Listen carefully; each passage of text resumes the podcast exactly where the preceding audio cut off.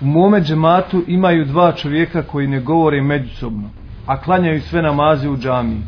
Jedan od njih bi se pomirio, ali drugi neće. Da li je ispravan namaz ovom drugom džematli? Alhamdulillahi Rabbil Alamin Lehu alhamdu l-hasan والثناء الجميل وأشهد أن محمدا عبده ونبيه ورسوله أما بعد bilježi imam Ebu Davud u svome sunanu sa lancem prenosilaca za koga imam El Munziri i šejh Albani kažu da ispunjava Buharine i muslimove kriterije. A kaže za njega Hafil El Iraqi u svojim opaskama na Ihjalu, na Ihjalu Ulumi Din da je njegov lanac prenosilaca vjerodostojan. Od Ebi Hureyre radijallahu ta'ala anhu da je poslanik sallallahu alaihi wasallam rekao La hijrate feuka selat Femen heđere hahu feuka selasin femate dehalen nar. Nema niko pravo da izbjegava svoga brata muslimana više od tri dana. A onaj ko bude izbjegavao svoga brata muslimana više od tri dana pa umre, takav će biti stanovnik vatre. Dodaje imam Tabaranija ovoj predaji illa en je te Allahu bi kerametih osim ako mu se Allah Želešanu usmiluje pa mu oprosti. Osim ako mu se Allah Želešanu usmiluje pa mu oprosti u tom slučaju znači neće biti stanovnik vatre. U predaji koju bilježi imam Ahmed u svome musnedu imam Buharija u svome dijelu El Edebun Mufred i imam El Askeri u svome dijelu Tashiful Muhaddithin sa lancem prenosilaca za koga Hakim Zehebi i El Iraqi kažu da je vjerodostojan, stoji men heđere hahu seneten fehuve kesefki demi. Ko napusti svoga brata muslimana jednu godinu, kao da ga je ubio, kao da je njegovu krv prolio. Iz citiranih hadisa vidimo kolika je opasnost čovjeku da ne govori sa svojim bratom muslimanom da ga napusti, da se izolira od njega i slično tome. To je haram po konsensusu islamskih učenjaka, nema razilaženja. Bileži imam Tabarani u svome dijelu El Mu'ađemur Kebir u devetom tomu, na 205. stranici od Abdullaha ibn Mas'uda radijallahu ta'ala anhu da je rekao La je hađeru rađulani kad dehala fil islam illa harađe ahaduhuma minhu hatta jerđija. U ruđuhu en je tihi fe alejhi kada dva muslimana budu jedan drugog izbjegavali nakon svoga ulaska u islam neće to činiti a da već jedan od njih dvojce nije izišao iz islama. Već je napustio islam. Dok se tako ponaša prema svome bratu muslimanu već je napustio islam i već je izišao iz islama. Sve dok se ne vrati. A njegov povratak je da dođe svome bratu i da ga poselami. Da dođe svome bratu i da mu nazove i da mu nazove selam. Dakle, vidimo iz ovih predaja kolika je opasnost da dva muslimana ne govore. A naročito dva muslimana koja se drže Allahovi Đelešanu propisa i koja paze na Allahove tebarake o tala granice. Jer to bi mogao biti put da Allah Đelešanuhu takva srca zapečati i ne daj Bože da neka od njegovih dijela poništi navodi se u istoriji i u hadijskim zbirkama da su ashabi ponekad izolirali se od nekih ljudi i da su kazali da neće sa njima nikada više govoriti slično tome. To je navedeno u Buhari, u Muslimu i u drugim hadijskim zbirkama. Od Abdullaha ibn Omara i Abdullaha ibn Mugafela i drugih. No međutim, to je sve bilo sa hakom i sa pravom. Zbog toga što se neko nije pridržavao Allahovi Đelešanu propisa njegovih granica. Navodi imam Buharija u svome dijelu Sahih, znači u svome Sahihu, predaju u kojoj se spominje da je Abdullah ibn Zubeir, on je znači sin, on je sin Esme radijallahu ta'ala anha. Kada je čuo da Aisha radijallahu ta'ala anha dijeli svoj metak, I šta god da joj dođe od dobra je hajra da to podijeli, da ništa sebi ne ostavlja, kazao je ili će Ajša prestati da tako radi ili ću se naljutiti na nju pa neću sa njom pričati. Kada je to čula Ajša radijallahu ta'ala anha da je on to rekao kazala je tako vam Allaha je li uistinu tako kazao? Kažu jeste kaže Allahu se zavjetujem Allahu zavjet dajem da sa njim neću pričati do kraja svoga života. Nikada više sa njim neću progovoriti. Niti hoću više da ga vidim. Pa nije više smio doći da ga Ajša njegova tetka da ga vidi. Niti je smio da je se obrati. Pa je pokušavao preko ashaba da nađe vezu da nekako stupi sa Ajšom u kontakt. Da se pomire ali Ajša radijallahu ta'ala nije pristala. Pa je jedne prilike došao kod dvojice ashaba i zamolio ih kaže zar me nećete uvesti kod Ajše? Pa su došli kod Ajše svi umotani u jednom ogrtaču. Njih trojica u jednom ogrtaču. Pa su pokucali na vrata pa je Aisha radijallahu ta'ala ana upitala ko je? Pa su se njih dvojica javila a Abdullah ibn Zuberi se nije javio. Pa je kazala uđite. Kaže da uđemo svi kaže uđite svi. Svi što nas je kaže svi što vas je. Ona je mislila na njih dvojicu. Pa su ušli kada su ušli Abdullah ibn Zubair je počeo zagrlio je Aisha radijallahu ta'ala anha i počeo ljubiti. Bila mu je tetka. I počeo je moliti da se da mu oprosti za to što je rekao. Pa nije htjela pristati. Sve dok nisu i ovi ashabi Ajšu savjetovali i molili da se odljuti na Abdullah ibn Zubaira pa se odljutila. I onda počela plakati. Kaže tako mi Allaha. Ja sam kaže zavjetovala se da neću nikada s tobom pričati no međutim oprostit ću ti to pa je zbog toga oslobodila 40 robova zbog toga svoga postupka ali to je bilo sa hakom i sa pravom nema Abdullah ibn Zubair nije imao pravo da se miješa Ajši dolazi i metak i dijeli ga na Allahom putu. Zašto je Allah što dao čovjeku metku nego da, da ga dijeli na njegovom putu? Ali izoliranje i prekidanje odnosa i veza sa muslimanom bez prava i bez razloga je pokuđeno i zabranjeno i to se kosi sa temeljnim islamskim principima i islamskim učenjem. Wallahu ta'ala Drugo pitanje. Zanima me da li je u braku dozvoljeno koristiti sredstva protiv trudnoći kao što su kondomi. Bismillah, alhamdulillah. Osnova je da se muslimani razmnožavaju. I da muslimanski umet bude što brojniji. To potvrđuje hadis koga bilježi imam hakim u svome mustedreku i drugi sa ispravnim lancem prenosilaca. I nije dozvoljeno čovjeku da prekida svoj porod osim uz vjerski opravdan razlog. Samo uz vjerski opravdan razlog može znači prekinuti svoje potomstvo. Najbolji način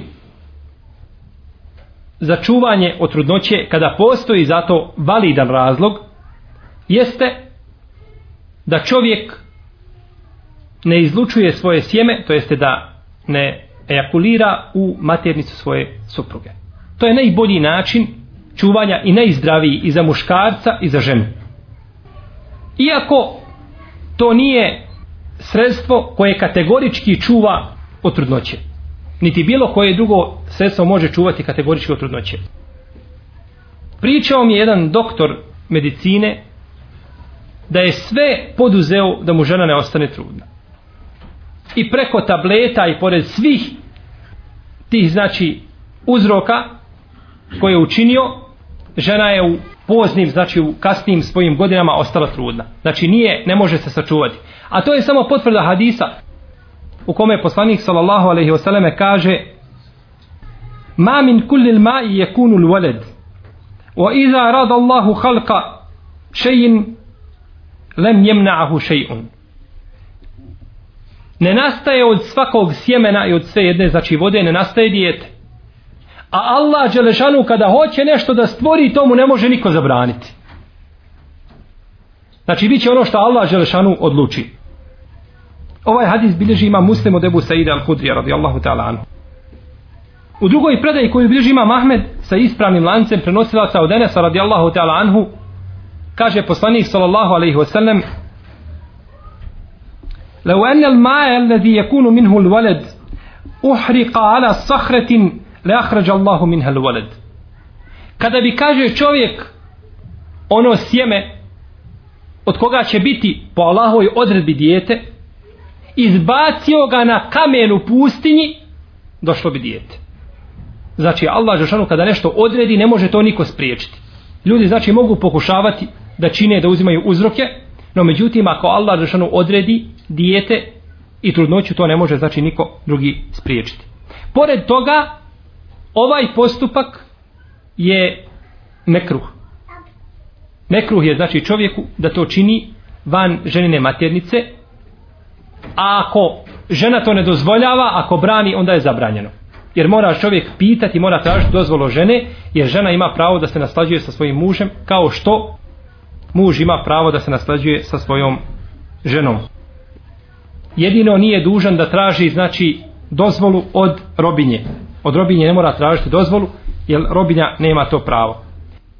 Stoga je poslanik sallallahu alejhi ve selleme kazao u hadisu koga bilježi Imam An-Nasa'i od Džavira radijallahu ta'ala anhu svaka dunjalučka stvar u kojoj nema Allahovog zikra je igra i zabava osim četvoro pa je od oti četvoro spomenuo da se kaže čovjek igra sa svojom ženom da se čovjek igra sa svojom ženom jer nakon toga dolazi ono zbog čega je isklopljena ta bračna veza to je dijete a to je znači dijete. I ovo je predaj dobrom ocenio Hafid ibn Hajar u svom dijelu Ediraje.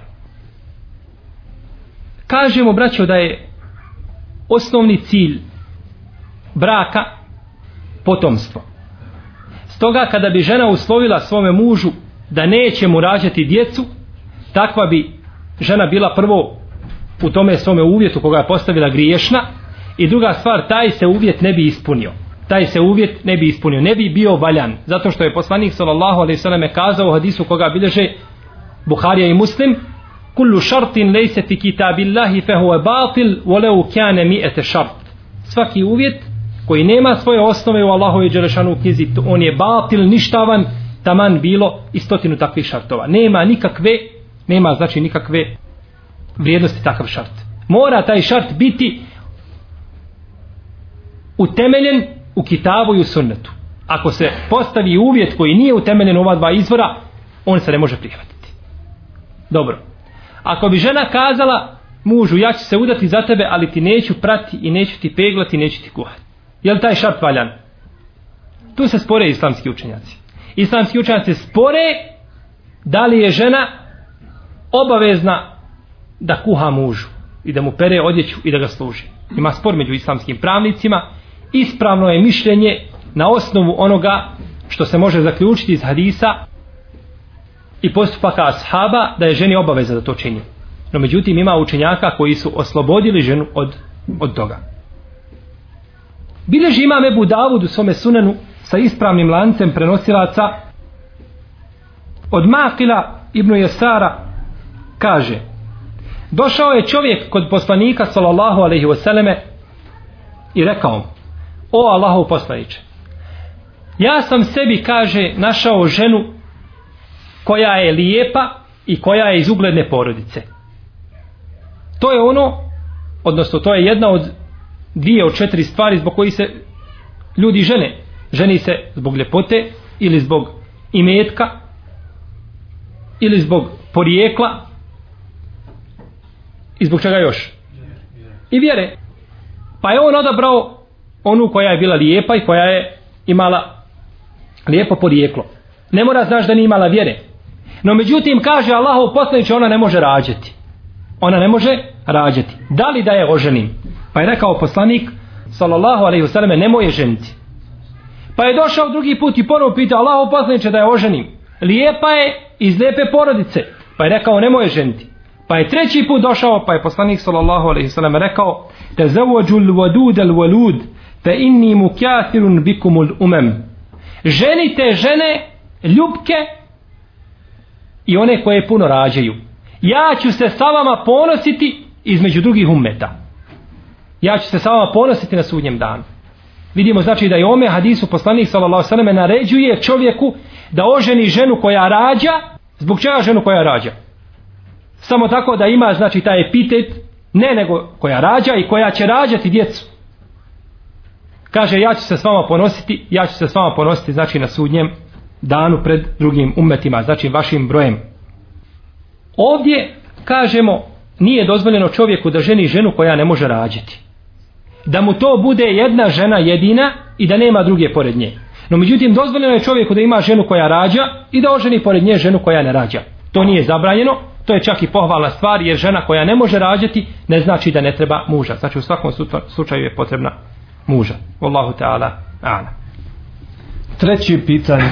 Da li je dozvoljeno rukovat se sa nevjernicama? Bismillah, alhamdulillah nema razlike između vjernice i nevjernice u pogledu rukovanja muškarcu je strogo zabranjeno da se rukuje sa ženom koja mu nije mahrem bila ona vjernica ili bila nevjernica. S te strane znači nema nikakve razlike. Ne smije se rukovati sa svakom ženom koja mu nije mahrem. Mora mu znači biti trajni mahrem. Imamo dvije vrste mahrema. Trajni i ograničeni. Ograničeni ne vrijedi. Neograničeni mahremom se ne smije rukovati. Ograničeni mahrem je žena koja zbog određene situacije ili određenih uslova se ne može udati za toga čovjeka. Kao na primjer svastika. Svastika je s jedne strane i sa jednog aspekta gledano ona je mahrem. Jer se ne može udati za toga čovjeka zato što je Allah što zabranio o entežma u bejne luhtejni. I da spojite dvije sestre. To ne smijete. Ili tetka ženina. S jedne ili s druge strane. Ne može se spojiti sa ženom. To su ograničeni periodični znači mahrem. Jer dok čovjek razvede svoju ženu ili dok umre, nakon toga može ženiti njenu sestru i njenu tetku. Ali pored toga ne smije se rukovati sa takvom ženom. I ne smije gledati u nju, ona je za njega kao za koja, bilo koja druga žena. Strankinja. Samo se smije rukovati sa ženom koja je trajni, koja je trajni mahrem. Dokazi koji ukazuju na zabranju rukovanja su brojni. Prvo uzvišeni Allah te barake o ta'ala kaže وَلَا تَقْرَبُ الزِّنَا innehu kane fahišeten wa sa'e sebila. I nemojte približavati se nemoralu. To je razbrat i to je ružan put. Kaže imam Kurtubi u svome tefsiru uzvišeni Allah Đeršanu rekao i nemojte se približavati. A nije rekao i nemojte činiti zinaluk. Jer da je rekao uzvišeni Allah te barak je teala nemojte činiti zinaluk, bio bi zabranjen sam čin nemorala. Samo to i ništa više. Znači ne bi po ovome ajetu ne bi bilo zabranjeno čovjek pogleda u drugu ženu, da je dotakne, da je po, poljubi, da je zagrli i slično tome. To bi sve bilo dozvoljeno. Gledajući na samo ovaj ajet, a, ne gledajući na druge dokaze. No međutim kada Allah Žešanu kaže wala takrebu zina i nemojte se približavati nikako zinaluku, sve što vodi ka zinaluku nemoj raditi. Nemoj gledati, nemoj termin ugovarati, nemoj čatati, nemoj pričati sa njom bez potrebe i tako dalje. Znači sve ono što vodi ka nemoralu nije dozvoljeno da se, da se čini. Kaže imam Ševkjanija, ako je put ka nekoj stvari zabranjen, a ovdje je zabranjeno vola takrebu i nemojte se približavati. Šta je onda, kaže, sa samim dijelom? ako je put ka nečemu zabranjen, ako je tebi zabranjeno da ideš prema nekom objektu gdje se čini nemoral, kakav je onda sam ulazak i boravak u tom objektu? Kolika je to zabrana? Ako je sam put i odlazak, znači ka tom objektu zabranjen. Tako je znači ovdje. I nemojte se približavati, i nemojte se približavati nemoralu. Zbog toga, draga moja braća, uzvišeni Allah Đeršanu dozvolio čovjeku da gleda na primjer svoju majku i da sjedi sa svojom majkom i da putuje sa svojom majkom i da poljubi svoju majku i da poljubi svoju sestru i tako dalje. Iz rahmeta i milosti i spajanja rodinski veza a nije to dozvolio sa drugom ženom. Zbog čega?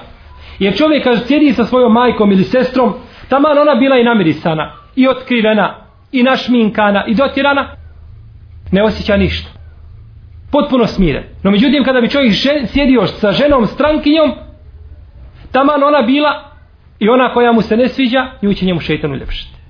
I počinje nešto osjećati u svojoj duši. To je priroda čovjeka. E zato je Allah Žešanu dozvolio čovjeku da sjedi sa tim, znači, mahremima i da može, znači, i rukovati se sa njima, a nije to dozvolio sa ženama strankinjama. Hadisi koji ukazuju na zabranu rukovanja su brojni.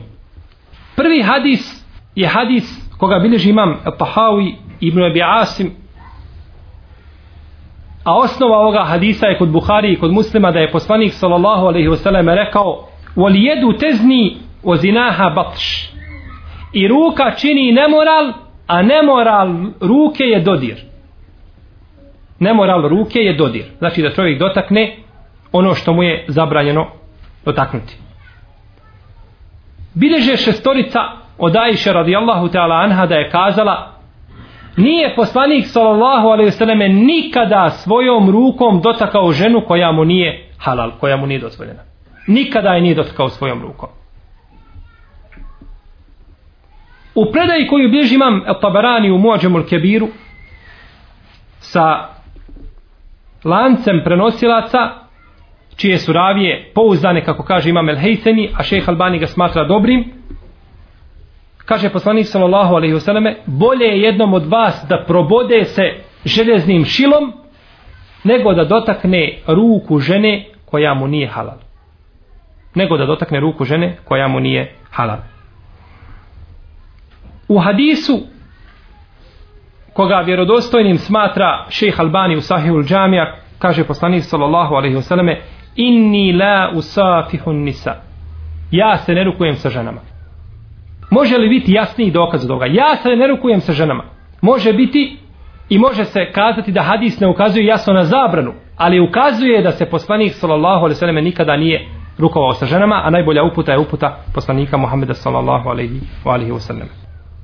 Također sve što se navodi od poslanika sallallahu alejhi ve selleme da se rukovao sa ženama starim nije vjerodostojno. Od Ebu Bekra se navodi i to se često spominje u fikskim knjigama da se je rukovao sa starijim ženama.